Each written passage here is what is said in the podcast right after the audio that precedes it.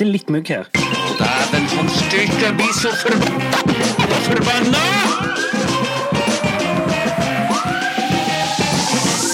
Forbanna!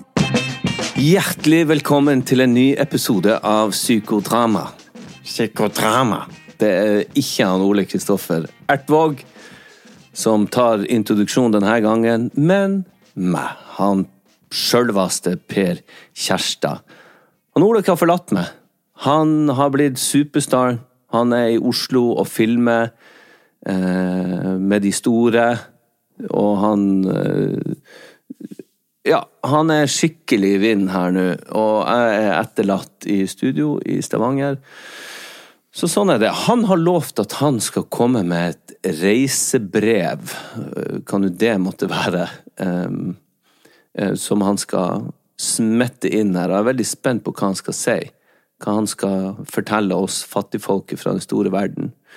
Um, så det gleder jeg meg til å høre. Jeg aner ikke hva det kommer til å være, men det får dere sikkert høre ganske så snart.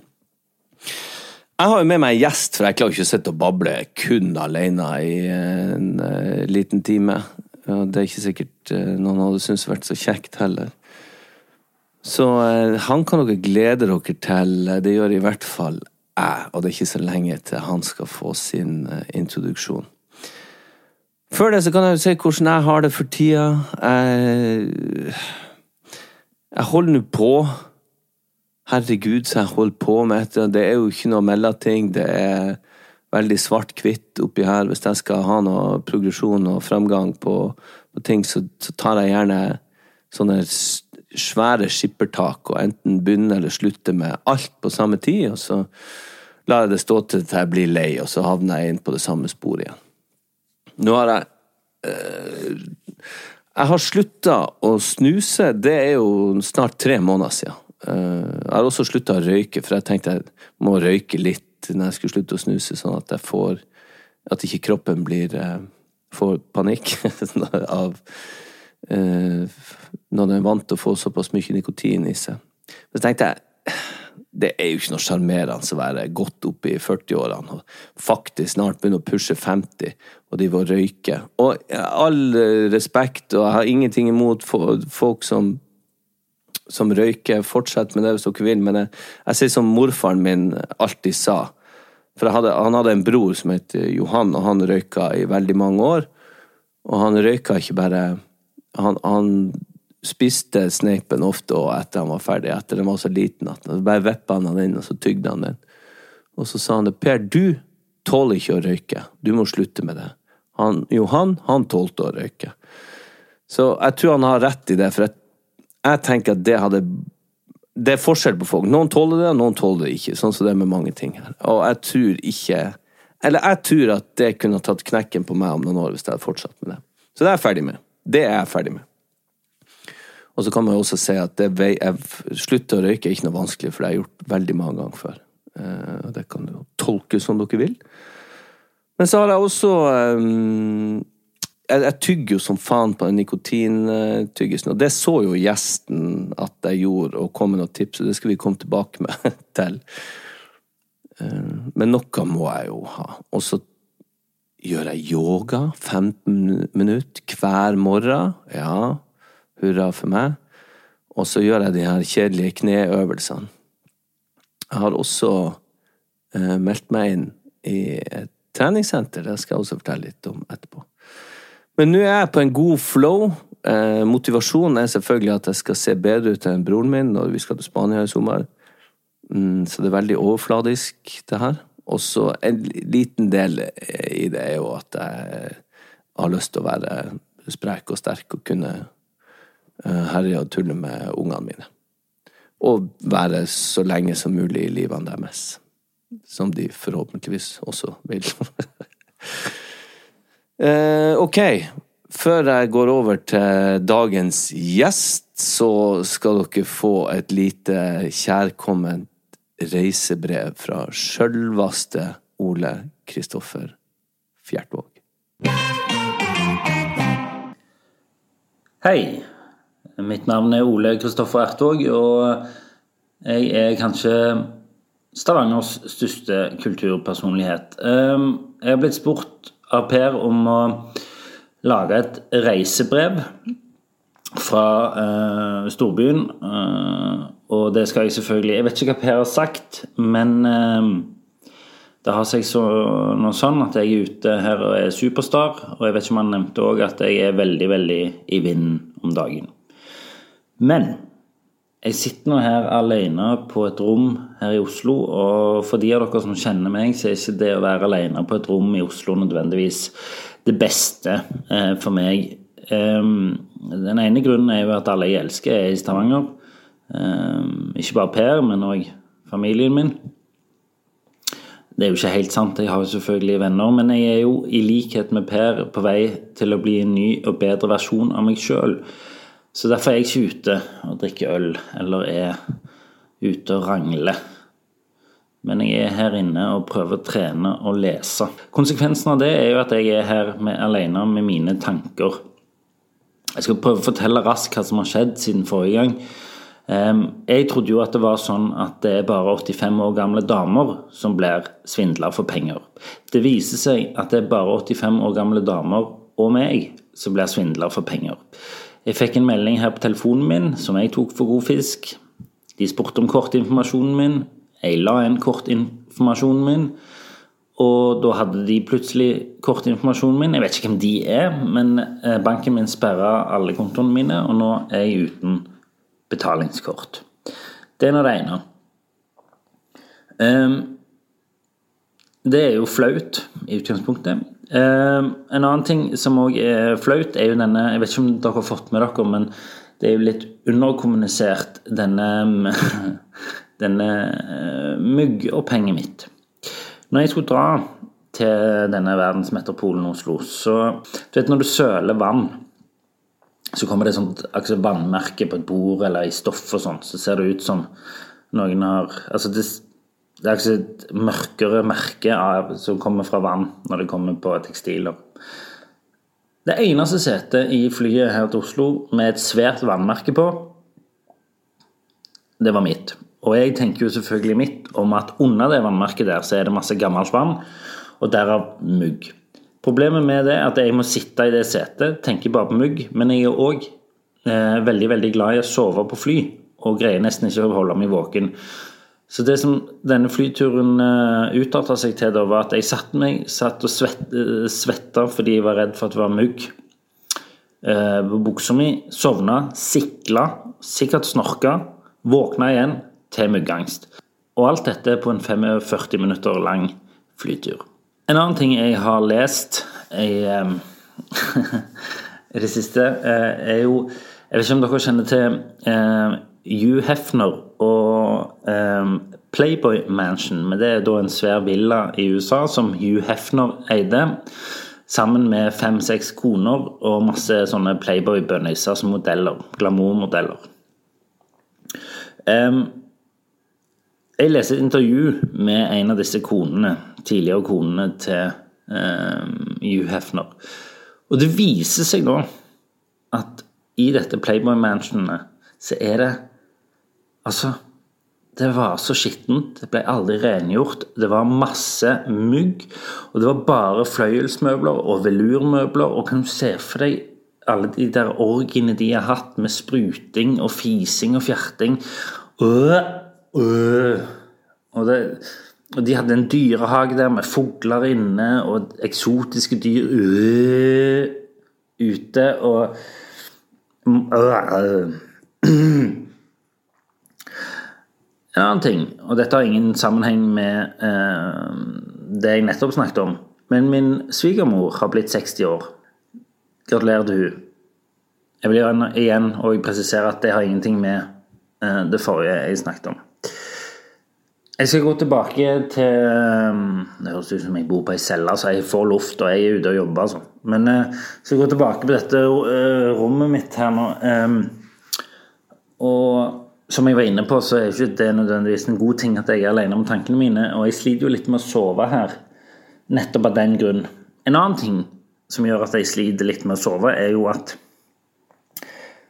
jeg har en ovn her på rommet uh, som jeg vet ikke om det er vann eller gass eller hva det er. Men når jeg skrur på den ovnen, så er det et eller annet som fyller de røyra, som gjør at ovnen høres ut som ei syv år gammel jente som skriker sånn.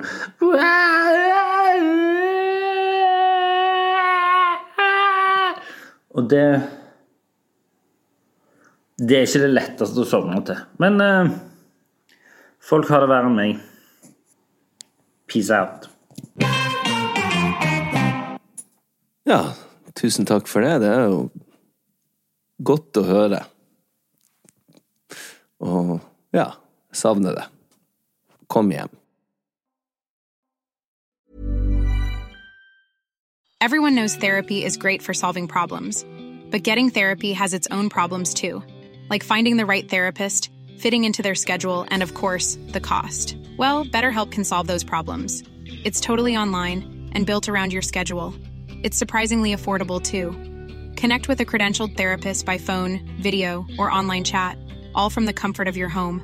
Visit betterhelp.com to learn more and save 10% on your first month. That's BetterHelp H E L P.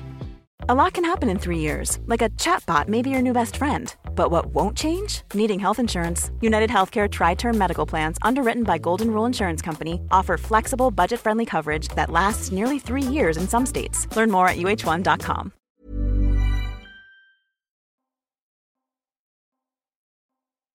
Gjesten i dag er, er ganske irriterende.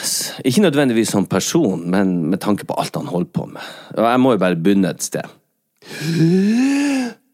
Han har jobbet som stuntmann siden 1999 og vært instruktør ved Kahana Stunt School i Florida og for Seoul Stunt Team i Korea. Ja, ja, ja. Han er en aktiv basehopper, Jesus, og utdanner seg som siviløkonom og har jobba eh, som kredittanalytiker, samt at han driver Storhaug treningssenter, og han skal ikke spise godteri på ett år. Han er gründer, og han er skuespiller. Satan, altså. Og oppfinner! Hmm.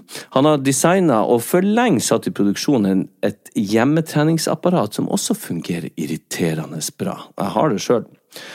Han er 178 cm. Ha-ha, jeg er høyere enn han. Buksestørrelse 32-34. Faen. Ja, ja. Han er også en god kompis. Han driver eh, i stuntprofesjonen sin med akrobatikk, basehopping, BMX-sykling, fall fra høyder, førerkort klasse A og B, kampsport, klatring og rappellering, kroppsbrann, rulleskøyter, skateboard, ski, slåsskamp med og uten våpen, slåsskoreografering, snowboard, stuping, trampoline, trappefall, vaierarbeid, våpenhåndtering. Herregud. Velkommen i studio, Mr. Perfect, Thomas Skjørestad! Tusen takk. Fy fader, for en introduksjon. Ja, det sier jeg òg. Hæ? Ja, Det er jo helt sykt. Men det Helt stemmer jo. Gjør det ikke det? Jo, det, det, for så vidt så stemmer det jo. Eh, Men det høres så sykt ut når du ramser det opp sånn. Ja, men um... Det er jo over lang tid, dette her, da. Hæ? Det er jo over lang, lang tid. Altså, det er jo eh, siden 99, som du sier. Ja, men uh, du holder jo koken.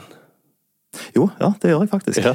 Ja. Og du har ikke slutta med det. Du, du har altså eh, gjort Hvor mange produksjoner har du vært med i som stuntmann?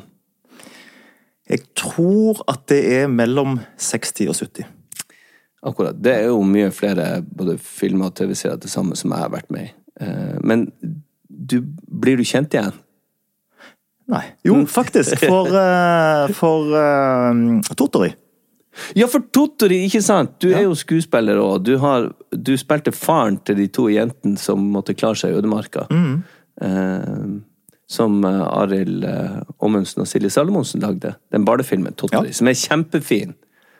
Ja, den ble, den ble jækla bra, faktisk. Og den har jo vunnet flere priser rundt omkring i verden enn eh, mange andre filmer som jeg har hørt om. Ja, jeg, jeg, jeg tror ikke jeg sier feil hvis det er over 20 priser han har vunnet. den. Nei, tenk det. Så, Når den før de skulle lage denne filmen, så satt jo jeg nede i skuret til han Arild, som vi kaller vin... Ja, satt og drakk vin og prata om film og livet. Og så når han skulle snakke om å lage denne filmen, så var jeg jo veldig på Jeg trengte ikke en far i Osan, men de trenger en skikkelig sprek far. Så han hadde, hadde allerede kasta deg i hodet sitt før eh, Så jeg hadde ikke sjans. Jeg var ikke på audition eller noen ting. Men det kan vi jo skjønne, for han her ramler jo på ryggen ned i ei bergsprekk og blir sittende fast. Og så Ja, det var Så uansett var det du som måtte ha gjort det for meg hvis jeg skulle spilt han. Nettopp. Ja. Men det var jo faktisk òg grunnene. Det var jo at de trengte bare en person som datt ned i det hullet der. Som eh, Ja. Ja, men du hadde noen replikker, og kanskje jeg skulle ha dubba de for det. ja det, det skulle du ha gjort, faktisk. Du, eh, vi pleier jo egentlig å åpne med et spørsmål til gjestene våre, som lyder som følger. Hvordan har du det? Jeg har det veldig bra. Um, nå har jeg hatt nesten hvit måned. Uh, så hadde jeg en feiring av nesten hvit måned på fredag. Uh, så det vil si, det er litt blåmandag i dag. Og det er liksom Når jeg drikker alkohol, da kan jeg kjenne på type sånn En liten sånn eh, deprimert følelse et par dager etterpå. Ja, Uh, ja. men ikke når du drikker. Ikke når jeg drikker, nei. nei. Et par dager etterpå. Er det sånn at du gleder deg til å, å drikke når du har hatt et sånn opphold? Ja, veldig. Ja. Ja, jeg gleder meg skikkelig. Ja, Ja. det kjenner jeg igjen. Nå har jeg, hatt, jeg, jeg, jeg husker ikke om jeg sa det i begynnelsen, men jeg har hatt 14 dager uten alkohol nå. Ja, og hva kjenner du da? Eh, jeg, kjenner at tålmodigheten er større. Ja, Altså med ungene og familien og situasjoner som jeg havner oppi. Jeg blir ikke like tent sånn Lunta er lenger. Og jeg kjenner kroppen eh, har godt av det. Nå trener jeg jo hos deg, yes. på Storhaug treningssenter. Em, og det er jo en ting som jeg får mer overskudd til å gjøre. Og mer motivasjon i perioder når jeg ikke drikker alkohol. Kjenner du energinivået? Ja, jeg gjør det. Eh, Jeg har jo også latt meg inspirere av deg på andre områder, og jeg vet jo det er folk som har gjort det både ja, før deg òg, men eh, det har jo dukka opp noen sånne videoer av deg som du sjøl har tatt når du sitter nede i havet nå på vinteren og tar sånn isbad. Ja. Og det som er irriterende med det, er også det at du skjelver jo ikke. Du sitter jo og prater vanlig. ja, og det er jo på grunn av eh, for, sånn var det jo ikke første gang du gjør det. Nei. Sant? Det er Mennesker blir vant med ting. Så det vil si, skal du få til uansett Ok, la oss si Jeg kan ta et eksempel med når jeg starta med fasting. Som, Ja. som jeg gjør, sånn intermittent fasting. Eh, Det har jeg gjort i mange år. Ja.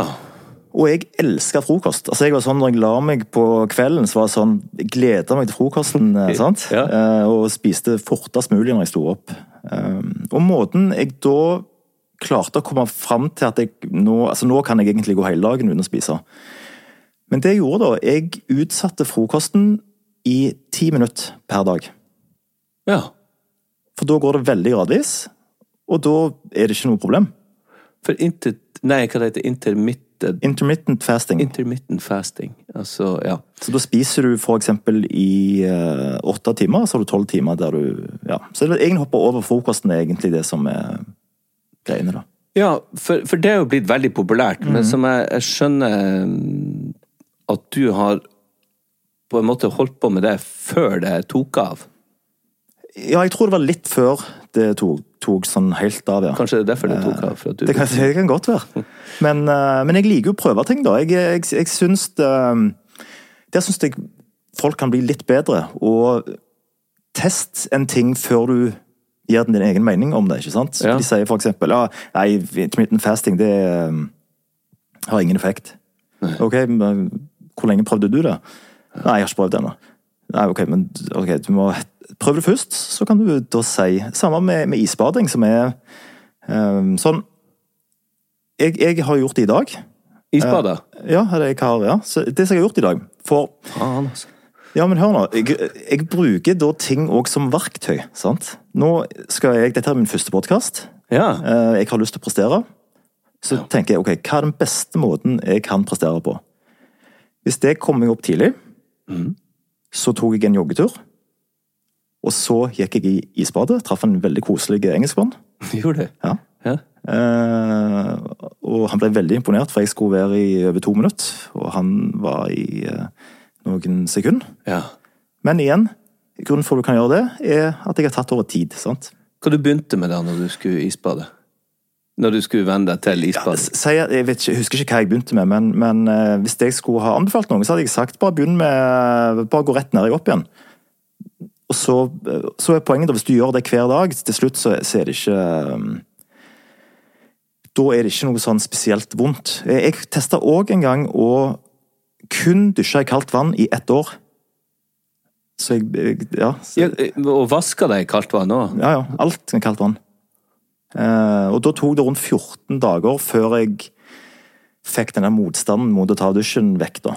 Ja. Sånn, Du, kjenner jo sånn en sinnssykt kraftig motstand mot å gå inn i kaldt vann, ikke sant? Og det tok ca. 14 dager, og etter det så, så var det nesten som å ta en vanlig dusj. Vi, skal, vi begynte jo å innlede nå med, med alkohol og sånn, det skal vi komme litt tilbake til. Så hopper vi til isbading og sånn. Men jeg har lyst til å holde meg litt på den. For at jeg, har, jeg må ærlig innrømme at jeg har latt meg inspirere av deg på flere områder. Eh, vi jobba sammen for et par år siden. Jeg hadde regi på en sånn liten lokal eh, reklamefilm, og da trengte jeg en som kunne hoppe 100 ganger på trampoline opp ned og stå stille i lufta og sånn, og det var det jo ingen andre enn deg jeg kunne kontakte. Og når vi kjørte tilbake, så fortalte du meg om den eh, fastinga. Og da begynte jeg å prøve det. Eh, og så har jeg ramla litt ut og tilbake igjen. Eh, men nå har jeg, ja, med noen få unntak, det siste halve året, så har jeg også gjort. Jeg spiser ikke etter klokka ni, og så spiser jeg ikke før tolv. Sånn. Men jeg prøver å holde tolv-åtte. Men merker, merker, du noen effekter av det? Ja, Jeg merker, jeg merker en slags uh, selvbeherskelse. Eh, det med å, og at den sultfølelsen, at jeg klarer å kontrollere den, og at jeg faktisk jeg får mer energi av en eller annen grunn. Jeg får ikke den her duppen midt på dagen. Nettopp. Ja, Det er på en måte den tingen som jeg òg merker som, eh, som jeg syns er det aller beste. At du faktisk ikke får den dippen. ja. Ja. Og det, for at rundt sånn altså 10-11-12 eller noe sånt, så jeg får en sånn Dæven, så trøtt jeg blir. Ja, ja.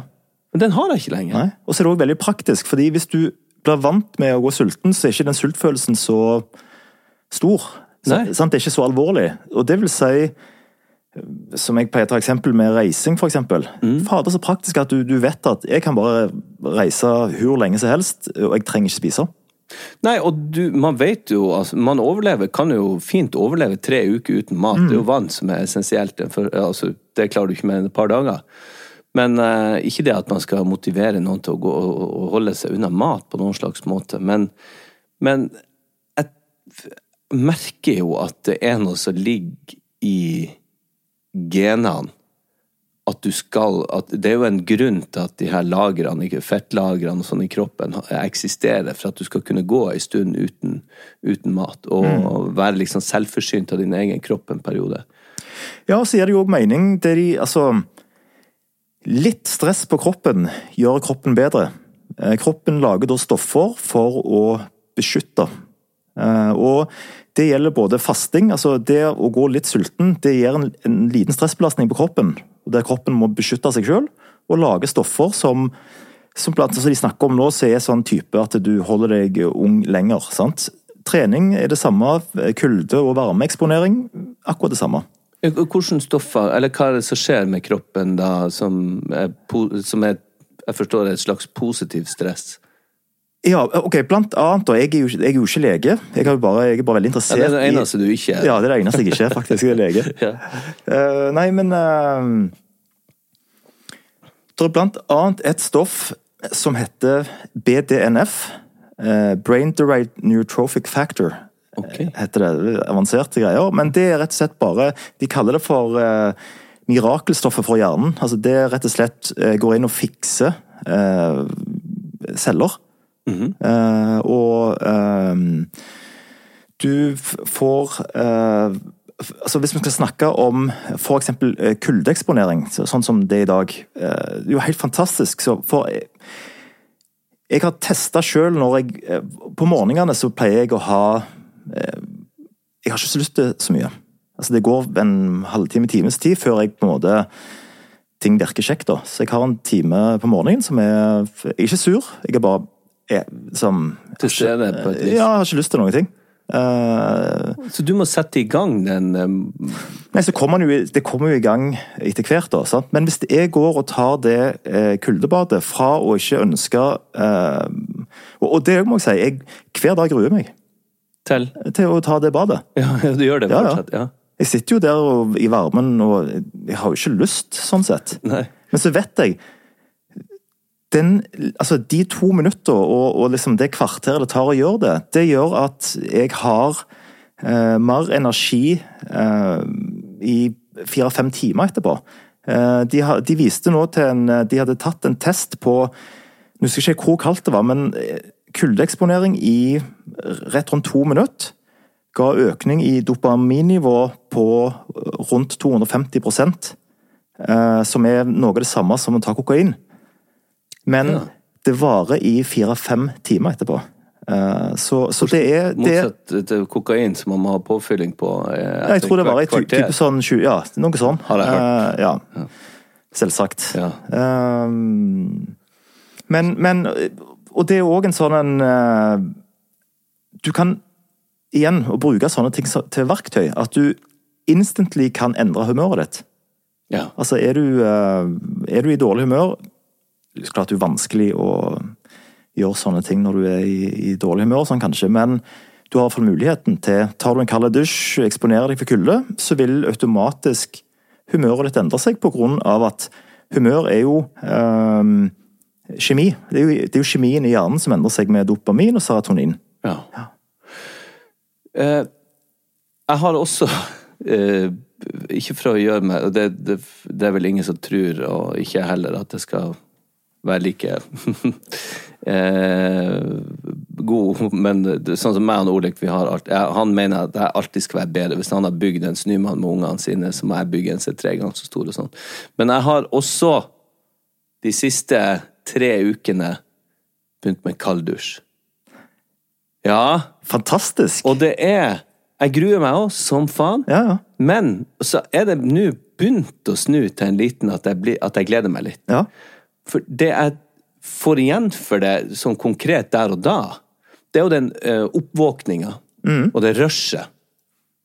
Men så er det den uh, Altså, jeg gruer meg ikke Døra kan stå på vidt gap, det kan være, det kan være gjennomtrekk. Du vet når du står i en varm dusj og gruer deg til å gå ut i det kalde rommet. Ja, ja, ja. Men sånn, du kan stå der, i det, og du produserer din egen varme lenge etterpå. Som er helt fantastisk. Og jeg husker Jeg vet ikke om jeg har nevnt det før i den podkasten, men jeg husker for mange år siden så hadde jeg en ja, Det var vel 2008 så hadde jeg en kjempetung periode. Jeg var ordentlig deprimert og gikk over noen måneder, nesten et år. Så hjemme på, på Kjærstad på julaften, og broren min dro meg ned på kaia. Det var skikkelige uvær og dritkaldt. Masse snø og is og slaps. Og, og så eh, insisterte han på at vi skulle liksom hoppe fra kaia og bade. Og i løpet av de månedene så var det det som hjalp meg mest. Jeg fikk et helt annet Det, det var liksom et vendepunkt.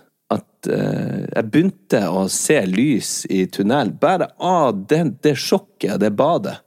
Det satte i gang noe helt fantastisk. Ja, og, og det som òg er bra med det, det er at du Hvis du tar den kalddusjen hver dag, så trener du deg òg hver dag på å gjøre ting du ikke har lyst til. Ja. For det òg er jo en skill. At Ja. du faktisk eh, For jeg tror mye av grunnen for at jeg har klart å få til en del ting, er at jeg er villig til å gjøre veldig mye av ting jeg eh, ikke har lyst til. Faktisk. Er det? Og da Ja. For en Du er jo også basehopper, noe som jeg mener er helt eh, ko-ko. Og Altså, det første hoppet Hvor mye fokus og hvor mye kraft må du hente for å gjøre noe så sinnssykt unaturlig som å kaste deg utfor ei fjellside? Ja, det er jo ehm, For det første så handler det jo om at du Jeg pleier alltid å sammenligne hvis du skal gjøre en ting som er, som er farlig, eller som, uh, som andre ser på som er veldig farlig, så pleier jeg å sammenligne det med skihopping. Hvis du Ja. tenker deg hvor sykt det er. Ja, det Sant? er jo for så vidt det. Uh, og når folk ser på det, så tenker ikke folk 'Å, Jesus, nå tror jeg han tryner der'. Å, åh, det gikk bra, heldigvis. Folk tenker bare 'Å, ja, han hoppet så langt'. Ja, han hoppet så langt, så bra. Ja. De ser på en måte, For de vet, de folka som gjør dette, her, de kan det. sant? Ja. Samme gjelder jo òg type basehopping. Da Da er det jo Da har du jo hatt minimum eh, 250 fallskjermhopp først. Du har det, ja? Ja, det, Hvis du skal ta det kurset på Skjerag, så er det et minimum på 250 fallskjermhopp. Så det vil si, da vet du hva du holder på med, ikke sant? Ehm,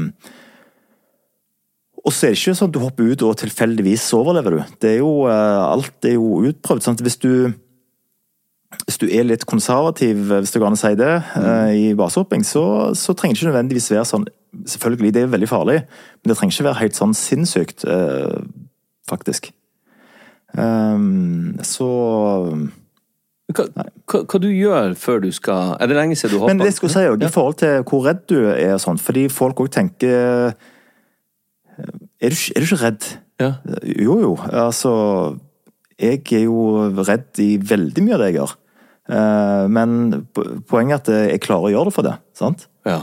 Eh, For hvis du ikke er redd, da er du jo eh, Dum. Da er du dum, ja. Faktisk. Um, Så jeg, jeg jeg ville sjekke hvor redd jeg var en gang, og da tok jeg på meg ei sånn pulsklokke. Mm. Og da hadde jeg 150 puls cirka, når jeg hoppet ut fra Skjerag.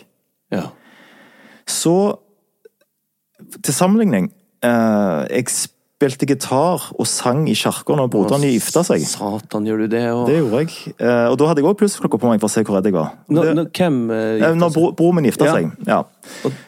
Og da eh, hadde jeg 150 i puls. Hadde du? Ja. ja. Så, så jeg er like redd eh, Det er litt sykt at du er like redd for det, for å drite deg ut, som du er for å dø, eh, faktisk. Ja, det er ganske spesielt. Ja. Men altså når du Jeg skjønner du hadde 250 hopp minu, nei, minimum før du tok det basehoppkurset. Eh, det er jo en annen risiko fordi at det en annen du må holde deg unna fjellveggen. og Er det ikke et annet lufttrykkmotstand? Det er ikke samme liksom Uh, luft Du kjenner ikke vind på samme måten, eller hvordan er det? Du, Jo, altså Det, det liksom de, de tre-fire første sekunder så kjenner du ikke vinden, sant? for du må jo opp i akselerasjonen først. Ja. Eh, Men så når, når vinden tar, det er jo da du kan fly. Ja. For da flyr du kun med kroppen. så det, Du ligger jo nesten eh, Eller det er en sånn skihopperteknikk, da. ja. Eh, Så en skihopper er nok veldig flinke i basehopping, for de klarer med kroppen sin å fly Ja. veldig effektivt. Ut fra veggen, liksom? Ut fra veggen. Ja. Selv uten sånn en vingedress, så, så flyr du veldig langt kun, kun med kroppen. Har du flydd med sånn vinge, wingsuit òg? Ja. Eh, Så jeg var faktisk reddere mitt første uh, wingsuit-hopp enn jeg var på mitt første basehopp. Eh, altså, jeg syntes det var skumlere. For, Ja, det, ja. for det som er med den vingedressen, det er at du er jo inni ei tvangstrøye. ja. For du får ikke armene over hodet, og beina klarer du ikke å ta. sånn at hvis du hopper ut og overroterer, så ligger du liksom inni ei sånn ei greie. Så det er sånn eh, Ja, det er litt sånn uh, sketchy. Så Men det, jo, det var interessant det du sa, at når du sang i broren sitt bryllup, så er du like redd som du skal hoppe utfor. Eh, vi har jo både jeg og Nordic har jo kasta oss eh, inn i standup-komikkens Ja. univers. Og jeg var så på dere, og fantastisk bra. Takk skal du ha, men det var også Ellers så har jeg jo forholdt meg til som skuespiller et manus noen, stort sett noen andre har skrevet og, og koreografert, og vi har lagd situasjoner sammen og har alltid en eh, motspiller å lene meg på. Men vi har liksom sånn flåsatt sagt at det er, på en måte er basehoppinga i vårt yrke, for det er det skumleste du kan gjøre, da. Eh, Stå der og skrive din egen tekst og 'hallo, folkens, jeg syns sjøl det er så morsomt at dere skal ta betalt for og Dere burde ta betalt for å komme og høre på meg. Så fallhøyden, eh, apropos, er så stor. Og da er jeg også Da må jeg virkelig grave djupt for å finne et fokus som gjør at jeg ikke friker ut der oppe. Altså sånn ordentlig, ordentlig test. Eh, Men gjør, gjør du noe før forestillingen? For å altså type for å pulsen Gjør et eller annet Ja, altså, jeg, jeg, jeg gjør det. Jeg, jeg har eh, Jeg går gjennom teksten et par-tre ganger, selv om jeg kan den veldig godt utenat. Bare for at den er trygg, og så eh, gjør jeg mange minutter med stemmeoppvarming og kroppsoppvarming. Altså, jeg, Jeg, jeg blir ordentlig varm i kroppen. Og det på en måte hjelper meg å kontrollere både altså skjelvinger, hjerterytmen, pulsen. Og jeg, jeg slår, klapper meg sjøl over hele kroppen sånn at det svir. Sånn at du får Jeg, jeg vet ikke hva det er, det er bare noe jeg har funnet på sjøl.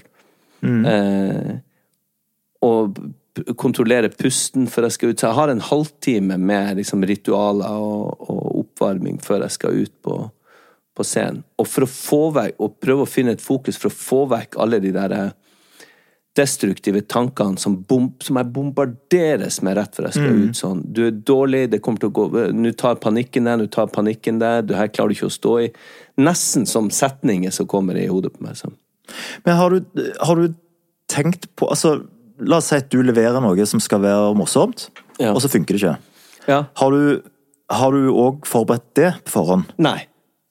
Det, det, har, det har jo også skjedd. Ja, For der ville jo jeg vært. Jeg ville jo ha tenkt ok, er Jeg må òg forberede den biten. At eh, hvis, hvis dette her ikke går, Ja. så må jeg vite ok, plan B. Hva kan jeg gjøre for å Der har du et poeng. eh, Ja.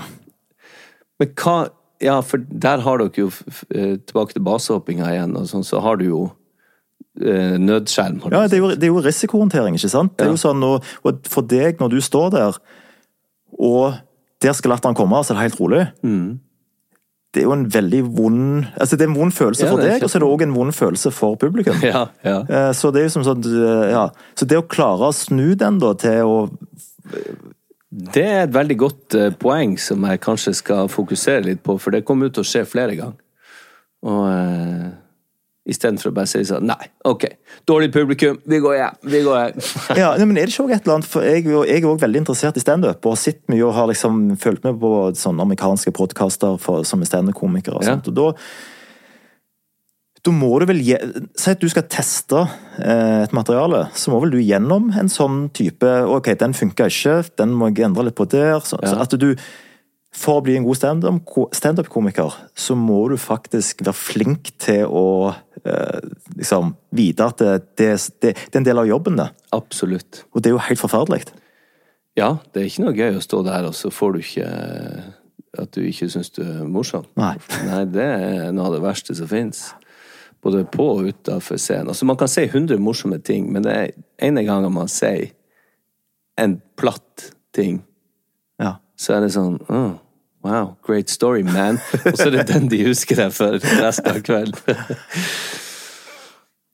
Ja, det, jeg har jo snakket med deg om det. Har jo, det har jeg òg lyst til å prøve en gang.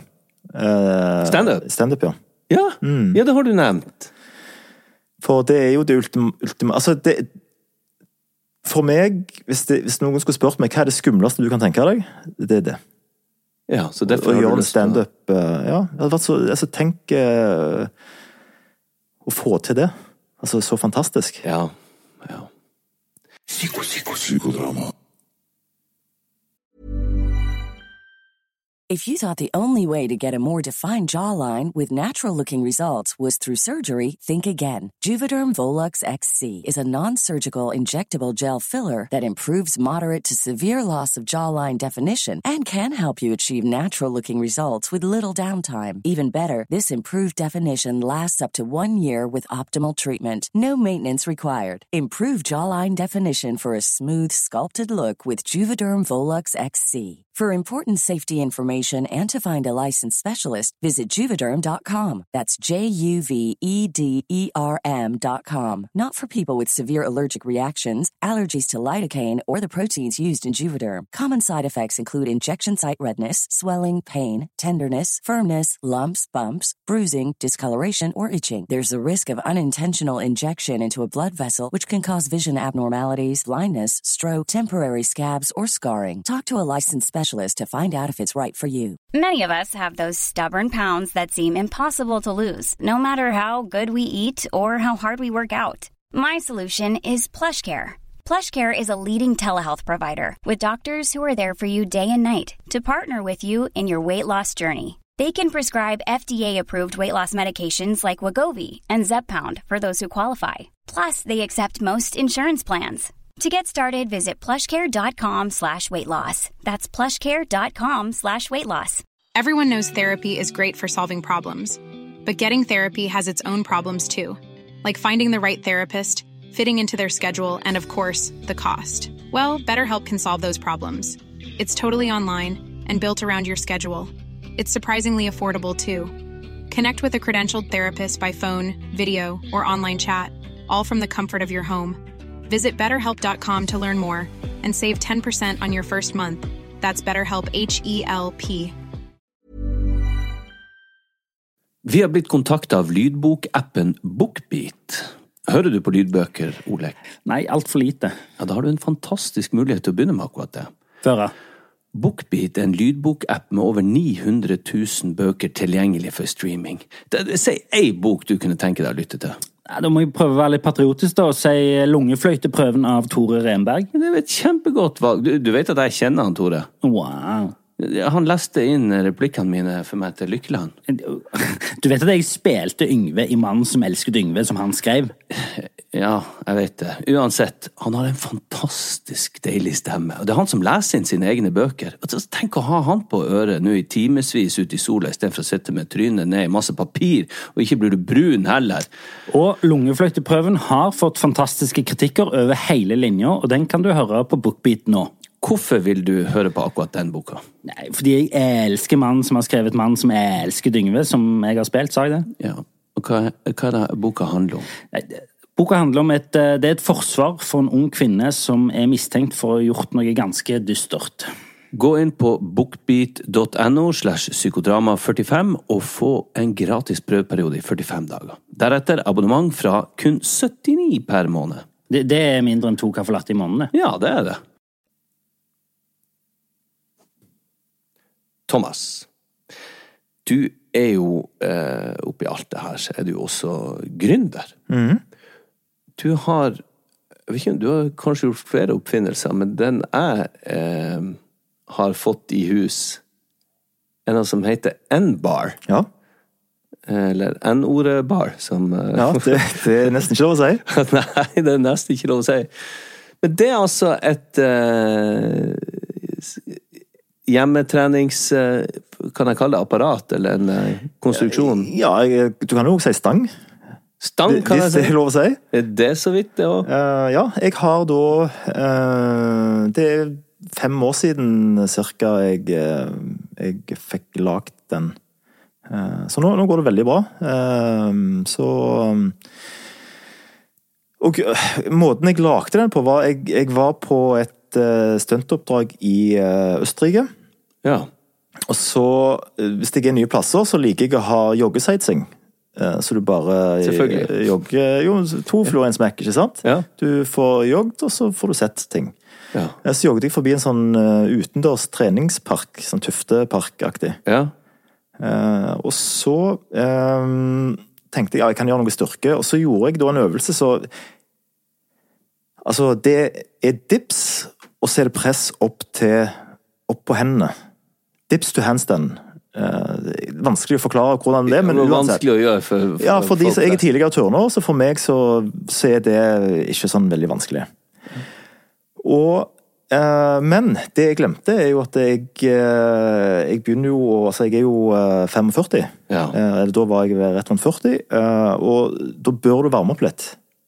Eh, så det som skjedde, var jo at jeg røyk jo brystmuskelen tvers av. Nei, Jo. gjorde du det? Ja. Eh, heldigvis filma jeg det. Har du det på film? Ja. Det har jeg. Det må vi kanskje jeg... få lagt ut uh, på sida vår. Ja, skulle kanskje gjort det, ja. Ja. Det, det, det er ikke sånn det, det ser ikke så Du ser bare jeg som sier 'Satan'. Ja. Ja. Men det har vi lyst til å se. Men At det går eh, deg litt imot. Ja, og da, på opptreningen der, etter operasjonen, så eh, lagde jeg til ei sånn stang med sånn kosteskaft. Det syns jeg òg, det funka jo veldig bra. Eh, så gikk jeg på nett for å finne noe som, eh, som jeg kunne kjøpe.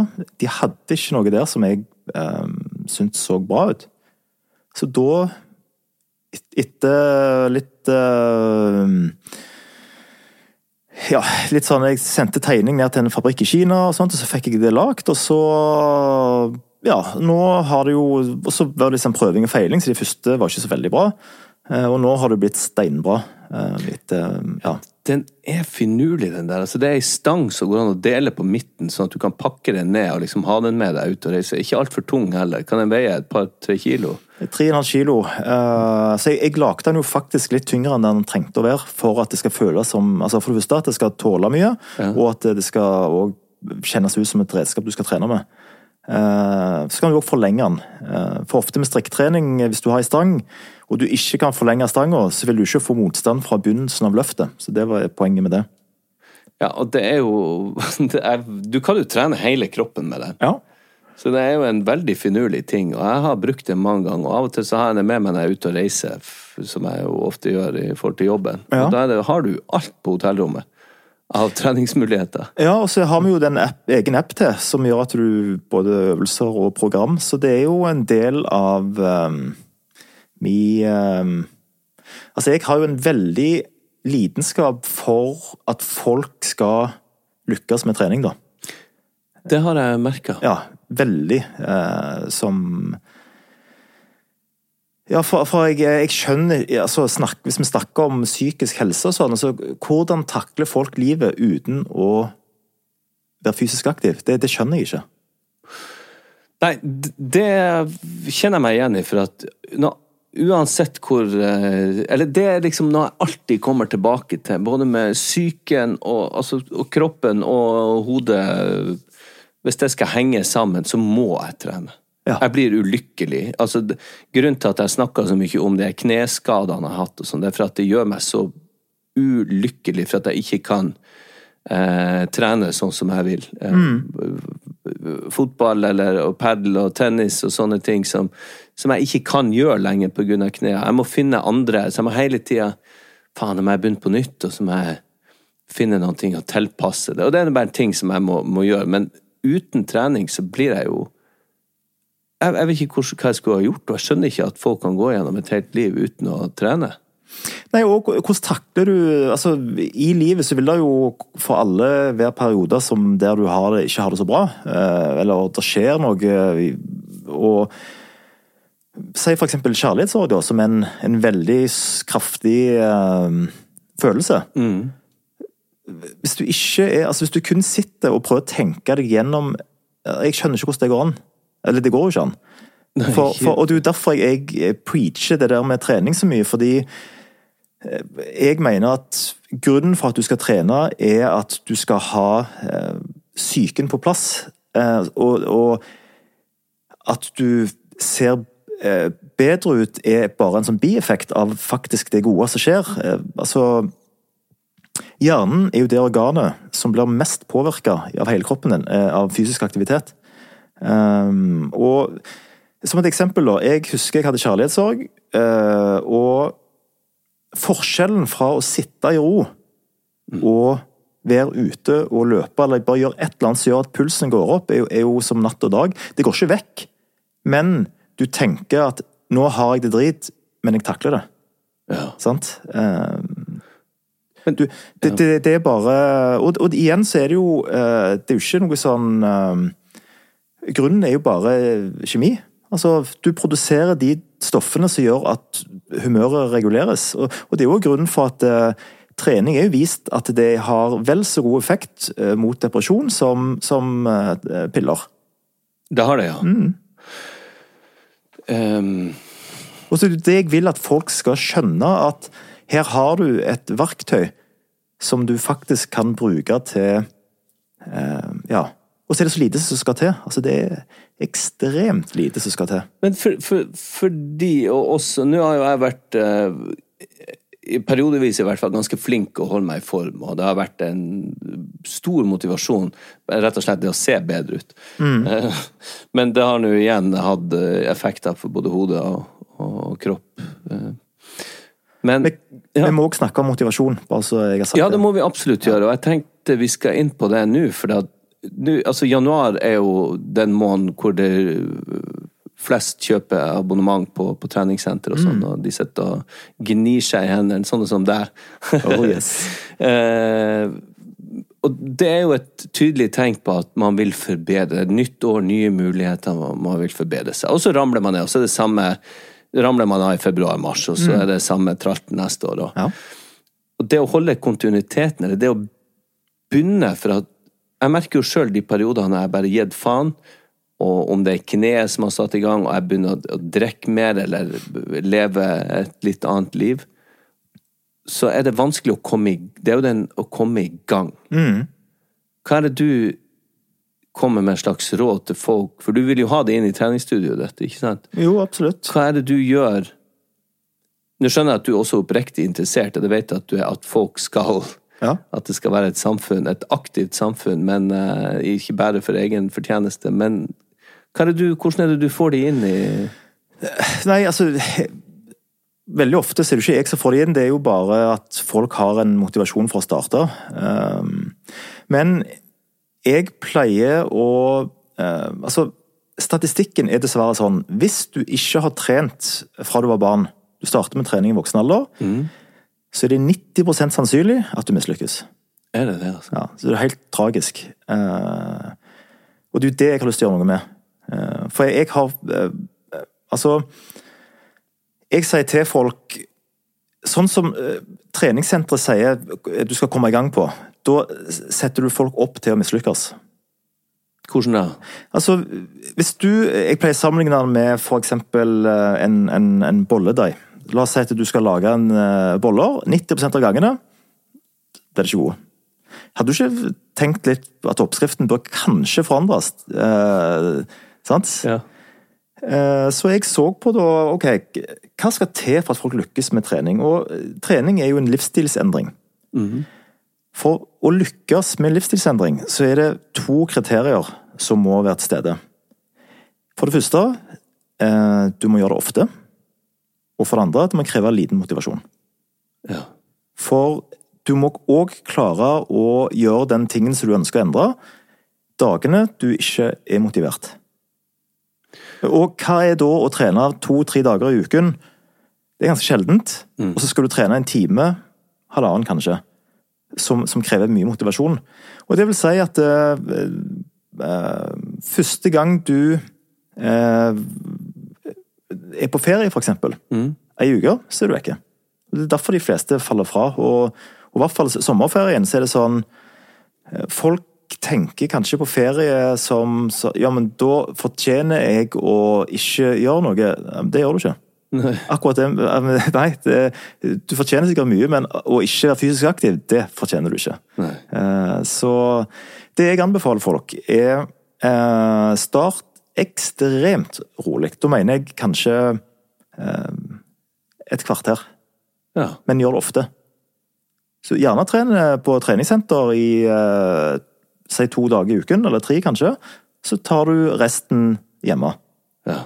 Um, og det er den eneste måten faktisk å få det til på. Er, um, gjør det uh, og, og, og så er det jo effektivt. Uh, jeg testa dette her på senteret. Uh, da hadde vi med oss to damer som uh, Jeg tror ikke hadde trent så mye fra, nei, jeg tror ikke de hadde trent spesielt fra før. Og de skulle trene hos oss fem dager i uken. Og det var ett kriterium, de hadde ikke lov til å trene mer enn 15 minutter. Ok, begge to, altså. Begge to, ja. Eh, Så fulgte vi de i et halvt år. Vi målte de eh, på sånn, sånn kroppsskanning, eh, og eh, med, altså, eh, sånn, Så de hadde oppfølging da et halvt år. Og, og effekten av det er jo helt sinnssyk. Altså, men da De trente ikke mer enn et kvarter om dag? I et halvt år? To-tre ganger i uka? Nei, seks, nei fem dager i uka. Oh, ja, fem dager i uka. Ja. Eh, For det er også med, Vi skal håpe at, komme tilbake til det, men det er også med at eh, hvis du gjør det ofte, så er det på en måte det er bare en ting du skal gjøre den dagen. sant? Det, det, det handler ikke om motivasjon. Altså, det er bare Du gjør eh, nok kjedelige ting på en dag som du klarer å gjennomføre. Hvorfor ikke bare legge til 15 minutter med noe som Altså, det er bevist at eh, altså, Gjør du 15 minutter til dagen, så, så, så er du nesten Da får du nesten de, de helsegevinstene som, som er fra trening. I tillegg til at du, du får muskelvekst. Det viste jo de til. De hadde mista både fett og fikk muskelvekst på det kvarteret. Men det som var helt utrolig, var at hun, hun ene, hun uh, Hun hadde ikke uh, tort å passe barnebarna sine uh, på et, flere år pga. Uh, angstanfall. Ja, Hun var, hun var så redd for å få angstanfall at eh, Og hun, faktisk, når hun starta, så, så, så tålte hun nesten ikke å, å, å gå og handle engang. Um, så gikk det da fire måneder Tre måneder, tror jeg. Tre eller fire måneder. Eh, og da hadde hun passet barne sine, barnebarna sine igjen. For, for første gang på, på mange år. Huh. Så, og, og sønnen hennes trener også hos meg, og han sa at eh, han kom og sa en dag sånn Fader, eh, nå takket oss da, for eh, nå har jeg fader meg fått mor tilbake igjen.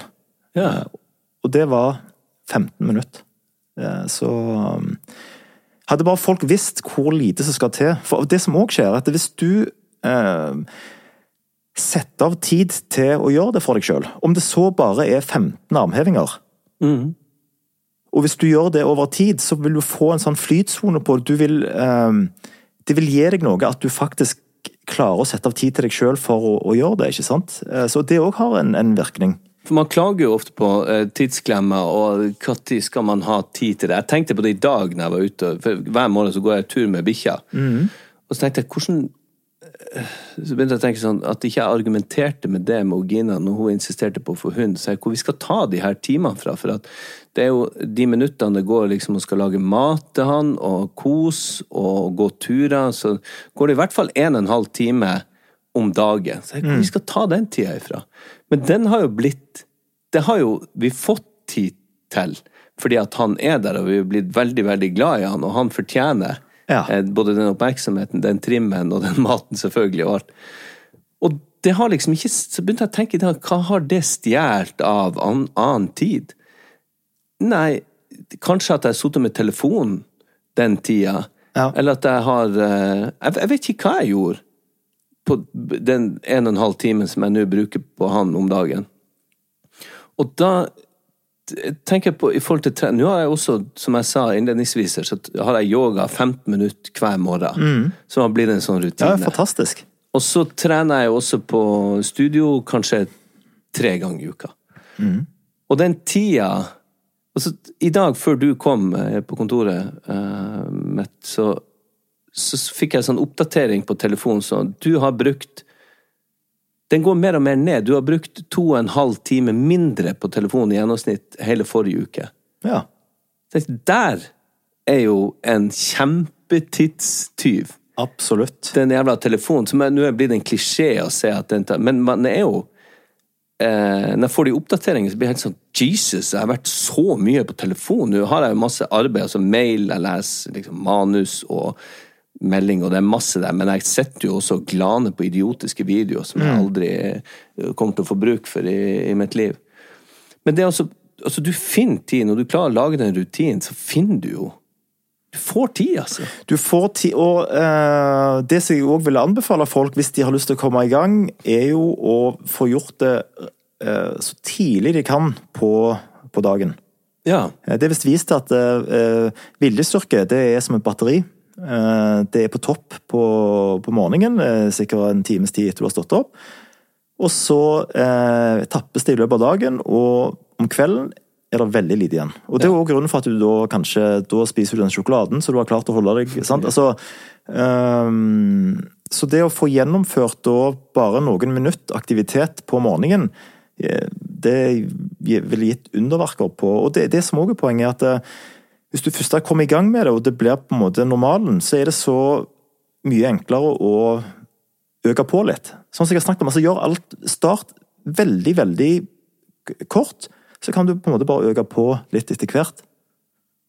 Så den Jeg opplever jo både når vi har snakket om de her litt sånn mer ekstreme i gåseøyne med isbading og, og de tingene, så den, den selvbeherskelsen det krever, og, og det, å, den, det steget å, å ta det og gjøre det, om det er trening eller det, eller de små forandringene som kan bli store i livet ditt, er jo de beste for å Rent mentalt sett. Altså for å komme seg ut, som du nevnte, en kjærlighetssorg eller en depresjon, eller Så, så er det jo et utrolig godt uh, Altså, vi har alle tilgang til det.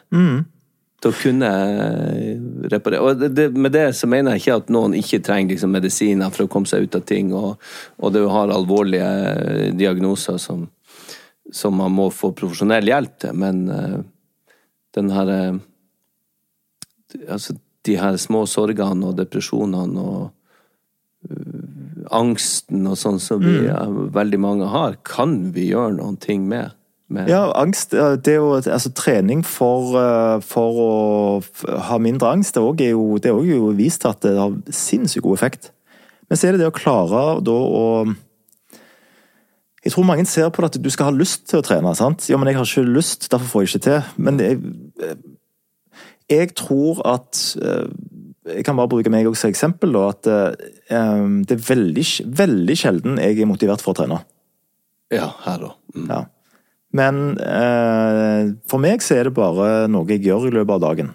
Eh, som, og det er klart, etterpå så er jeg jo veldig glad for at jeg har trent. Eh, men men eh, det er jo klart at eh, hvis du hvis du går på motivasjon, så er det jo klart at det er utrolig vanskelig å få det til. Særlig når du har den For, for før du har eh, kommet deg der at det ehm, Jo, det kan jeg snakke noe om. Ja. hvorfor òg du ikke får det til. Fordi hvis du er barn og har trent eh, regelmessig trening da, over eh, mange år Altså vært med på fotball? Ja, for eksempel. Ja, ja. Eh, De aller fleste får det da til eh, når de er voksne. Mm. Eh, For det som skjer, er at ehm, for å få til trening, så må det bli en vane. Mm. En vane er jo en fysisk forandring som skjer i hjernen for at eh, du skal slippe å ta en avgjørelse. ja. Og det, sånn som jeg pleier å sammenligne det med, um, er at uh, for meg Jeg har ikke lyst til å trene, men det koster meg lite å gjøre det. sant? Mens en person som ikke er vant med å trene, han har den uh, Den dørstokkbila den ser jeg for meg kan være like kraftig som eh, den motstanden du har mot en kalddusj. Sant? Og, og den er, den er fader meg kraftig, altså. Så jeg skjønner at folk ikke kommer seg gjennom den, da. Sant? For den, den motstanden, det, det er jo eh, Ja, For det er jo så er behagelig å bare la det skure og gå. Ja, ja, ja. Og det er derfor at det er så viktig å, å gjennomføre og, og gjøre det enkelt for deg sjøl å lykkes med det da Hva kan du gjøre hjemme? Eh, og, og, og gjøre det ofte. Og når du er på ferie. Sant? Gjør det Sett av fem minutter bare i, i ferien din, for da har du, eh, da har du fortsatt den rutinen. Da, da, da liksom Og så er det òg den eh, å få eh, utbytte av treningen òg er jo eh, Kontinuitet over tid er jo det viktigste. At du faktisk får det til år etter år etter år. At du ikke da trener i tre måneder, to måneder av, og så trener. Sant? At du da um, Ja. Finn kontinuiteten. da. Ja, ja og, og da må du lage et system på det. Det nytter ikke å tenke at eh, ja, jeg skal bare gjøre det når jeg føler for det, når jeg har lyst og sånt. Det må bare være um, uh, det, Du må bare gjøre det. Jeg vet ikke, har du, om du har sett den uh, dokumentaren av uh, Arnold? Ja, den veldig bra. pump- Er ikke det en Pumping Iron? Nei, ikke den, den nye, når han går gjennom når han har vært Nei, nei, den har jeg ikke sett. Ok, den var veldig bra. Og, og da snakker han noe om Når han står opp, så tenker han aldri sånn ja, Hvordan ha, har jeg det? Har jeg det sånn? Nei, for hvis jeg har det sånn, så kan jeg ikke gjøre det. Altså, just go. Ja. Sant? Altså eh, Kom deg opp og gjør det. Sant? I, ja. Så det er sånn Men for å kunne gjøre det, så må du jo lage et system på det sjøl. Du må jo tenke ok, da skal jeg, jeg skal trene jeg skal, eh, Hvor skal du trene hen? Skal du skifte til treningstøy? Skal, altså, du må bare bestemme deg for de tingene, og så bare gjør det en daglig ting. Hva er det du, eh, som er så aktiv både i, i hodet og finner opp ting og gründervirksomheter og hele tida på farta og trener og du får plass til utrolig mye. Hva hva er det som gjør at hva, hva får deg til å slappe av? Må vi tilbake til alkohol og rus, eller er det, du, er det sånn du kobler av, eller? Uh, ja, men, men jeg Jeg er velsigna med lite stress. Ja. Og det er sikkert bare Sikkert mye genetisk, og så Og selvfølgelig Trener du mye, så vil det redusere stress. Hvis du eh, kuldeeksponerer deg, det vil redusere stress. Så jeg på en måte gjør de tingene. Og det er jo det òg som er, som jeg syns er så dumt, at folk ikke får til den treningen. fordi trening kalles for keystone habit, som vil si får du til trening, så er det automatisk andre ting i, i livet ditt som vil endre seg. At du får til andre ting? ting. Du får til andre ting. Blant annet, kostholdet vil automatisk endre seg. Og det er så interessant, fordi de sier sånn Nei, jeg har hørt noen sånne eksperter som sier at trening du, Det går ikke an å gå ned i vekt øh, av å trene. Ja, ja, du, Ja, ok, Det kan kanskje være at du akkurat når du eh, trener, at du ikke klarer å forbrenne såpass mye at det har så mye å si. Men når du trener, så vil du automatisk etter hvert eh, endre kostholdet ditt. Ja, Eh, sant, ja. Som gjør at Men så i eh, den totale eh, liksom med trening, så vil du mest sannsynlig da eh, miste vekt og, og ja. Jeg merker det går jo hånd i hånd. Jeg husker jeg skulle eh, ta en burger med en kompis i, i Oslo, så, eller jeg, jeg, skulle, jeg skulle bestille noe sunt. Jeg bestilte en salat. Fordi at jeg holdt på Så sa han hvorfor det, liksom? Eh, Vi var på et burgersted. så sa jeg nei, for jeg driver og trener. Ja, men da Det er jo da du kan spise burger. Sant? sånn. Ja, ja. Men jeg tenkte for å få mest mulig effekt av treninga, eh, så, så legger jeg på de tingene som jeg tror jeg vet om kosthold. Nettopp fordi du blir bevisst på det, ikke Ja, sant? Uh, og, og det er jo òg med Det som skjer når du jevnlig trener, det er at du får mer dopamin. Og dopamin er jo motivasjonsstoffet vårt. Det er det som gjør at altså Hvis du sitter og ser på en TV-serie, og så tenker du ah, så kjenner du sånn kraft. Bare én episode til. Sant? Eh, Det er jo dopaminet som er sånn at du eh, sant? Det er jo belønningssystemet og um, men det gir en kraft, det gir en motivasjon til å gjøre andre ting. Så det vil si, starter du med trening og får til det, så vil du òg mest sannsynlig altså, Om det å lære deg å spille gitar, eller gjøre reiser på den plassen som du ønsker, eller Det er så mye sånne følger med det da, som er, som er helt fantastiske, eh, som, som folk ikke tenker på. Um, du blir Ja. Um, så Ja. Ja, du, når vi snakker om kosthold, eh, så er det jo Jeg har hørt flere som har sagt som driver med sånn intermittent eh, fasting. Ser jeg det riktig? Intermittent fasting? In Jeg tror folk skjønner hva du mener. Inter intermittent Intermittent? Nei, nei, jo, intermittent fasting, tror jeg. ja, Jeg tror det. men uansett, vi vet hva det er. Altså Ja. periodefasting. Periode, ja. Mm. Eh, og det, er det folk som sier altså, innenfor det vinduet kan de spise hva som helst. Ja. Er, Ja. Det er sikkert noen som kan det, men, men er det eh, riktig? Nei, det tror jeg ikke er riktig. Nei. Men du selv, i løpet av de Er det åtte timer sånn cirka du har der du spiser eh, Ish. Jeg, jeg bare Ja. Jeg, Du hopper over frokosten? Ja. Ja. Så av og, til, av og til kan det gå til fire-fem-tida at jeg ikke har spist. Så ja. Men du har vært liksom Eller ikke vel liksom. Du har vært åpen om at du har en slags genetisk kolesterolutfordring. Nei, hva er det? Jo, det heter så mye som um, FH. Familiær hyperkolesterolemi. Ah. Eh, som det er mange som har. Jeg tror det er like mange som har det, som har diabetes. Veldig mange som ikke vet de har det. Ok. Eh, og det er rett og slett bare at du klarer Det, det som de sier for det dårlige kolesterolet, LDL-kolesterolet, det får du ikke mm, Du får bare vekk halvparten av det på grunn av den genfeilen. Og kolesterolet, det igjen gjør sånn at blodåren kan bli eh, Ja, det det er det de sier, ja. At den, det LDL-kolesterolet gjør sånn at eh, du kan få høyere risiko for hjerte-karsykdom pga. på grunn av at eh, blodårene eh, tettes. Ja. Eh, Men så er det jo selvfølgelig en kombinasjon av mange ting som, som avgjør det, altså med, med blodtrykk og eh, Ja, det er ikke kun eh, det LDL-kolesterolet. Så jeg gikk jo da på medisin i syv år for å senke kolesterolet. Um, ja.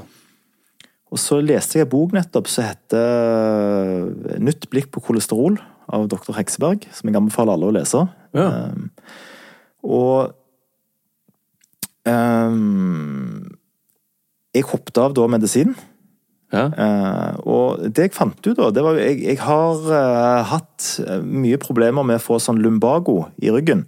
Som sier en sånn uh, Lumbago er bare ryggsmerter. At ryggen låser seg. ja. sinnssykt irriterende. Så hva jeg skulle gjøre så jeg måtte slutte å gjøre knebøy og sånt. For jeg, hver gang jeg gjorde det, så, og, så ble det bare at det, Først var det sånn at jeg kunne ha ganske mye vekter på. eh, Eller jeg måtte ha ganske mye vekter på før det skjedde. Men så ble det sånn at eh, etter hvert Det ble bare lettere og lettere vekter. Til slutt kunne jeg ikke ha noe på ryggen uten at jeg fikk lumbago. da. Oh, ja. Og så hoppet jeg av medisinene, og hva skjedde? Jeg har ikke det problemet lenger. Hvordan hadde, hadde det seg? så, jo, eh, fordi eh, eh, En av bivirkningene eh, med statiner, som er som det som senker kolesterolet, er at du kan få eh, muskelsmerter og muskelplager. Ja. Så hvis eh, jeg, jeg vet ikke akkurat helt hvorfor, men hvis la oss si at eh, musklene står i spenn eh, mer pga. de eh, medisinene, så tåler jeg mindre der. Eh, og jeg merker òg at eh, eh, hvor mye mykere jeg føler meg i kroppen etter, eh, etter jeg faktisk hoppet av de medisinene. altså. Det er sinnssyke forskjell. Men, men da har du erstatta det med hva da? Hva er det står i den boka i forhold til kosthold og sånn? Jo, eh, det der står i den boka, det er jo at eh, du skal ikke være så bekymra for det mette fettet. At det handler om Det er ikke nødvendigvis det LDL-kolesterolet som skal være Det skal være under tre.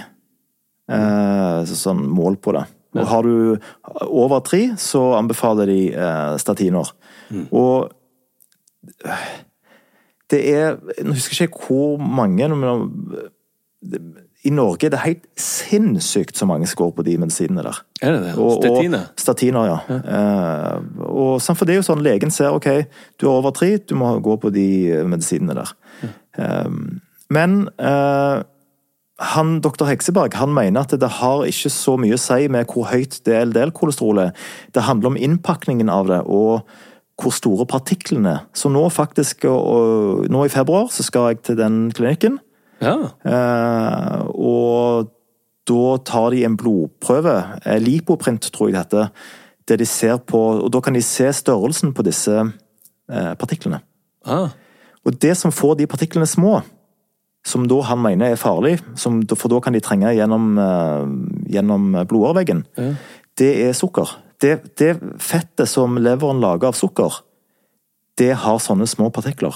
Det vil si at du skal spise minst mulig eh, karbohydrater, egentlig. da. Så jeg, jeg går egentlig på veldig sånn lav karbodiett nå. Du gjør det, for ja. når jeg møtte deg på treningssenteret her, så sa du at du hadde nyttårsforsettet ditt for å slutte helt å spise godteri. Ja, Har du klart å holde det? Ja. For du har vært veldig glad i godteri. ekstremt. Jeg ble jo helt sånn maniske. Ja, Det skulle man faktisk ikke tro, Nei. når man ser det her.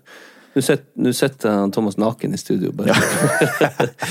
Men eh, så, så det er en del av det prosjektet ditt nå, da, for å finne ut om Ja, hvordan jeg- du kan regulere kolesterol sjøl? Ja, Egentlig så var det ikke derfor. Det var uh, egentlig uh, jeg, Det der suget etter snop, da. Ja. Jeg hater det eh, fordi det er så sterkt. Det er sånn, Jeg, jeg blir helt sånn Ja, eh, det får òg noe sånn ja. intense Ja, ja. Men nå, så, så merker jeg jo det hvis jeg ikke spiser det, så går det vekk. Gjør det det? Det er helt vekke. Så jeg, jeg kan være Nå har jeg eh, eh, chips og sjokolade hjemme, for jeg fikk eh, gave. Ja. Eh, jeg har ikke lyst på det engang. Så det er helt fantastisk. Men hvis jeg tar én bit, Ja. Så sitter jeg og ser på den, eh, den snopeskåla Ja. eh, og, og spiser og lurer på hvorfor de andre ikke tar like mye. Jeg, liksom, sånne folk som kan bare ta én, og så sitter de bare der og snakker videre. Det skjønner jeg ingenting av. Jeg tenker sånn voksne, jeg er så glad i potetgull og cheese Ja, ja. sånn, og hvis, hvis sånn, jeg tenker, når skal jeg bli voksen og kunne bare ta ei hand og så være ferdig med Ja. det? Eller jeg kan få ei lita skål, jeg mokker nedpå hele pakken og gjerne held med meg. Cheese kunne jeg gjerne fått krakka det sunn, og så sprøyta det inn. Ja, ja. For å få det fort nok inn i kjeften. Nettopp, sant? Mm.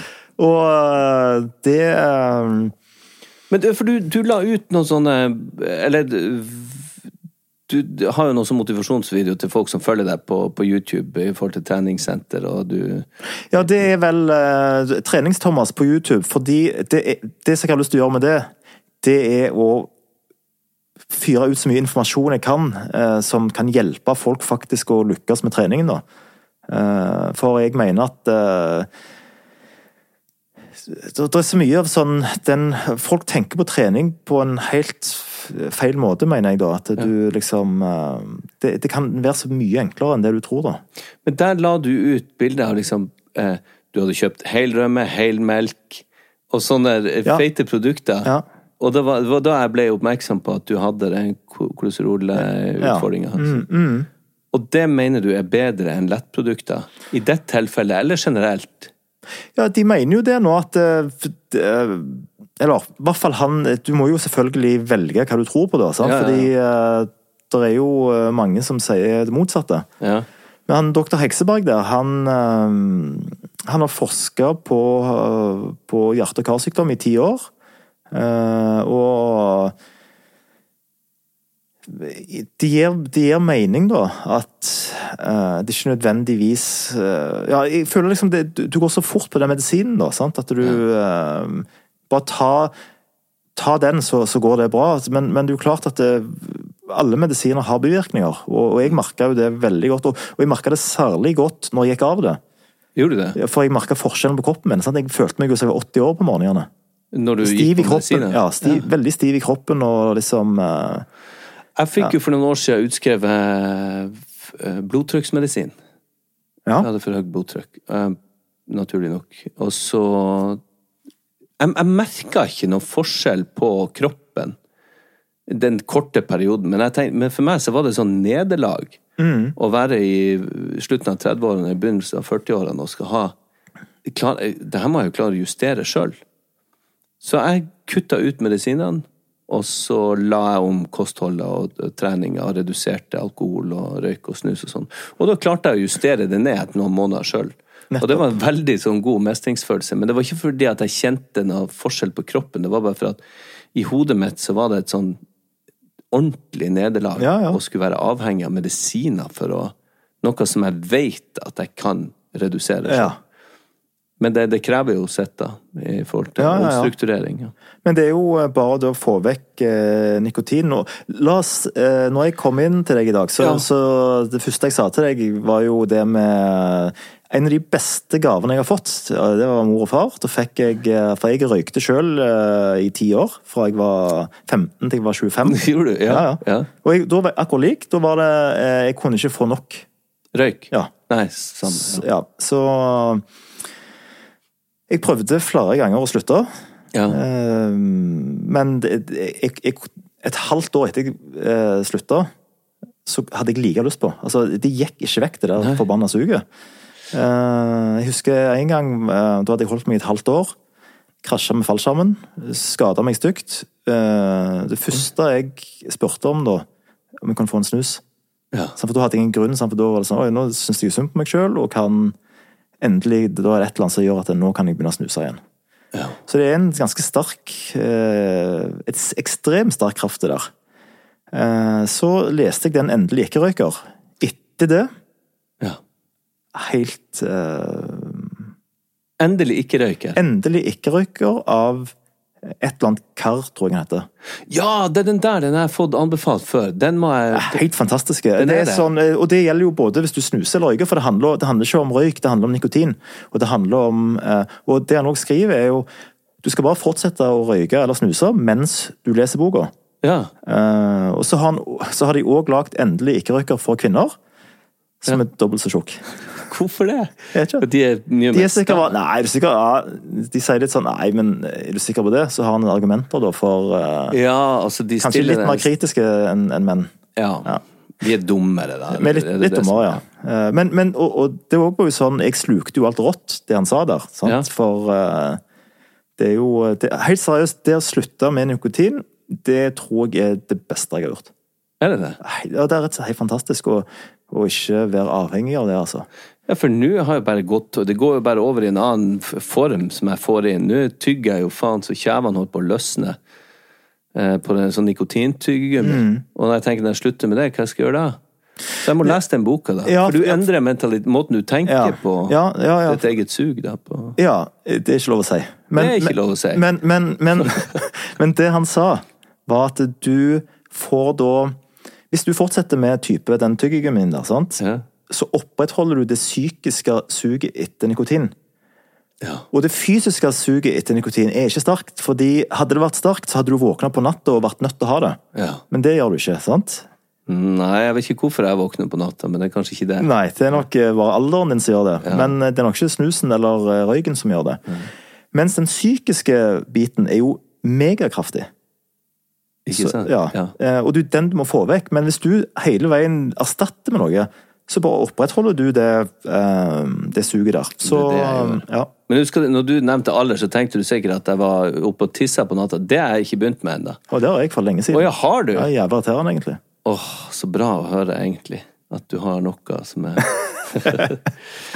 Du, eh, jeg ser vi kunne ha sittet her eh, mye lenger, for eh, det var så koselig og inspirerende å, å snakke med deg, men eh, Må, må jeg gå allerede? Nei, vi skal snart avrunde, men det, nå, Jeg snakka med noen Vi har jo en del felles venner her i Stavanger, og jeg tenkte er det noe Så spurte jeg jo Silje Salomonsen, som jeg deler kontor med her, om Er det noe greier på han Thomas?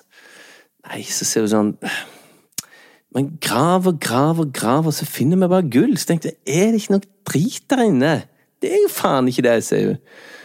Uh, men hva er det som For man tenker jo litt at du må være litt crazy, Ja. som, som har så stort behov for å å mestre ting, eller utfordre deg sjøl i så stor grad på så mange ting, at det er noe du liksom på en måte flykter fra, eller hva er det Nei, jeg vil nok se på en litt annen måte. At jeg, jeg, jeg flykter ikke fra, jeg springer mot. Ja. Eh, For, det er jo det, for jeg, jeg er veldig sånn eh, målstyrt, da. Ja. Som gjør at jeg, jeg har et mål om å gjøre det, og så gjør jeg det som må til for å nå det målet, da. Men det går liksom aldri på bekostning av noen. Du går jo rundt og er jævla hyggelig med folk òg. Ja, Men det skal du være. Ja, det skal man være. Det Det er er jeg viktig. i. Men eh, man har jo møtt folk som har et behov for å overkomme mye, som har spissere albuer. Du er veldig inkluderende, du er en veldig trivelig Ja, det var veldig snilt sagt av deg. Ja, og du får folk til å føle seg bra. Og du, jeg merker når du vil at folk skal trene, så er det ikke for egen vinning. Det er for at du Det, det, altså, jeg har jo tatovert eh, på Her så har jeg tatovert 'få folk i form' med en liten sånn springefyr. Ja. det har Eh, og så, nå nylig, så tatoverte jeg dette. Klarer du å se det? På fingrene dine. Ja, Ser du hva, ser du hva som er tatovert der? Ja, Det er jo uh, ringer. Nei, Nei, det, ja, det er en, en som trener vekter. den som trener vekt, ja. Og så har du et hjerte med puls. Et hjerte med puls, har du Fordi en at, smiley. Ja. og en smiley. Så hvis du trener styrke, Ja. og du får pulsen litt, så vil du ha et, Så blir du glad. ja, så vil du få et uh, mye bedre liv. Og um, jeg, jeg liksom Jeg er så sikker på min sak der, og, og så er det ja, jeg, jeg, eh, ja jeg, jeg bruker faktisk eh, mye av tiden på hvordan skal jeg klare å få gjort noe med det tallet med at 90% mislykkes, eh, og eh, 70% av nordmenn er inaktive. Som er helt krise for Ja. Så, så jeg har jo starta noe som heter fit15.no, der du tar alt jeg har snakket om nå, og setter det i et system sånn at du faktisk skal lykkes. Da starter du med fem til syv minutts eh, økter, og så gjør du det eh, fem dager i uka. Hva, hva heter den sida, sa du? Fit15.no. Fit15.no. Og så har du en YouTube-kanal som heter Hva du søker på der? Trenings-Thomas. Trenings ja, jeg har nettopp begynt, så der er jeg veldig dårlig. eh, Men jeg har hørt fra andre youtubere at du må bare fortsette, så blir du god. Ja, ja, ja, altså. På, på YouTube. Ja, og lager, og lager filmer, da. Og liksom eh, Ja. Og så har du uh, Instagram-konto, hva det er Ringman? Nei, hva du heter du? faen er det Trenings-Thomas. Trenings-Thomas er det, Ja, jeg går for Trenings-Thomas. eh, Så eh, Ja. ja. Så, og den N-bar kan du sjekke ut på hjemmetrening.no, hvis de folk ønsker det. Hva den?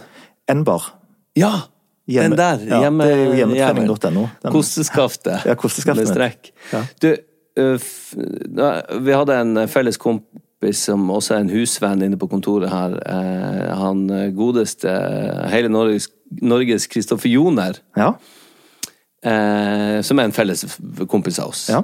Og han trener jo også hos deg. Seige jævel. ja, ja, ja. Um, og jeg sa, har du noen ting, et spørsmål eller et eller annet han Thomas når han skal være gjest her? Og da sa han noe sånt som eh, eh, Han Thomas Thomas hadde heller skutt seg sjøl midt i trynet heller enn fått eh, mage. Og det tror jeg er sant. Han hadde, han hadde skutt seg heller enn fått mage. Så forfengelig er han. Liksom. Er, er det noe i det? Ja, ja, ja. Ja. Jeg, er ikke, jeg, jeg er forfengelig. Ja. ja, ja. Jeg sier jo til sønnen min, og har sagt til sønnen min at altså, jeg, jeg går ikke ut og henter posten engang unna voks i håret. Skal jeg gå ut der med flatt hår? Så forfengelig er en eh, drivkraft hos deg òg. Ja, men altså Det som er For jeg snakker jo Jeg vet jo egentlig ikke hvor hardt det er å um, å Vær komme, stygg. Nei. å, å komme i gang med treningen. Nei. For jeg har trent hele mitt liv. Jeg har, fra jeg er rundt ti år, så har jeg nesten trent daglig. Ja, sant. Pga. turn og bla, bla. Så, ja. Sønnen din, hvor gammel er han nå? Han er 22. Har du fått han med på det her? Galskapen, holdt jeg på å si. Er han blitt motivert? Klarer han å følge faren sin fotspor til en viss grad? Ja, men han, han har jo andre interesser og sånn sett, da. Men uh, han, uh, han har jo uh, Han trener jo jevnlig. Ja. Og ja. så um, Ja, han har det. Men han har også drevet på med fotball, da. Så um, igjen Har du barn, få de til å, å gå på en eller annen type aktivitet, for da vil de få det til eh, mest sannsynlig resten av sitt liv, da. Ja. Du, Thomas. Um, det var veldig, veldig kjekt at du vil være gjest her. Ja, tusen takk for at jeg fikk komme. Ja, du, du og Jeg må si det igjen, du har uh, Man blir jo inhabil ettersom vi har kjent hverandre i noen år, sånn at vi er kompiser òg, men jeg, jeg lar meg virkelig inspirere av deg på, på mange områder. Ja. Du, du er en eh, kilde til inspirasjon, det er du, og en veldig positiv fyr som eh, fortjener alt godt. Jo, tusen takk. Så jeg setter pris på at andre også fikk lov å høre hvordan eh, det, det fungerer for deg. Ja, ja. Jeg håper jeg har fått lært av meg et eller annet som gjør at noen eh, ja, kan bruke det til å faktisk eh, gjøre en, en varig endring, da. Ja, det tror jeg absolutt. Jeg anbefaler folk å følge deg på de, de kanalene du er på, så, og sjekke ut eh, altså, Storøy treningssenter, det du driver, så det er en blanding mellom altså sats og Ikke sats på den måten, for jeg har litt sånn bismak når jeg sier det, jeg vet ikke helt hvorfor, for at det er så sterilt. Men det, det har det der røffe som jeg var vant til da jeg bodde i Oslo, det der eh, Det er så inkluderende. Det er alt av folk der, og du har du har på en måte det, det der eh, grove, gode, gammeldagse helsestudioet i der, og, og alle muligheter for uh, turn og tøying og fart og spenning og Ja, ja, ja. Samla på ett sted. Det er høyt under taket i bokstavelig forstand. Fem meter. Fem meter.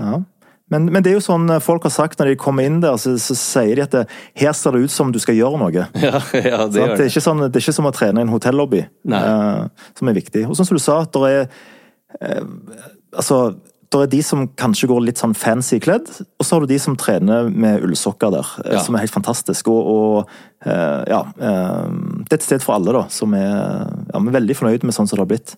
Godt miljø. Bra jobba på alle mulige måter. Og så nå eh, får jeg bare Ja, hva skal jeg gjøre? Ta meg en kalddusj. Gå og ta deg en kalddusj, ja. ja. Og så eh, snakkes vi. Vi gjør det. Takk for nå. Takk, takk.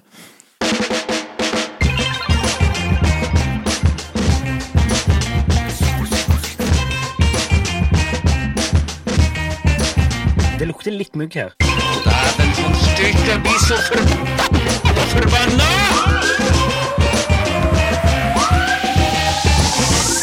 forbanna! Mom deserves the best, and there's no better place to shop for Mother's Day than Whole Foods Market. They're your destination for unbeatable savings, from premium gifts to show-stopping flowers and irresistible desserts. Start by saving 33% with Prime on all body care and candles. Then get a 15-stem bunch of tulips for just $9.99 each with Prime. Round out Mom's menu with festive rosé, irresistible berry chantilly cake, and more special treats. Come celebrate Mother's Day at Whole Foods Market.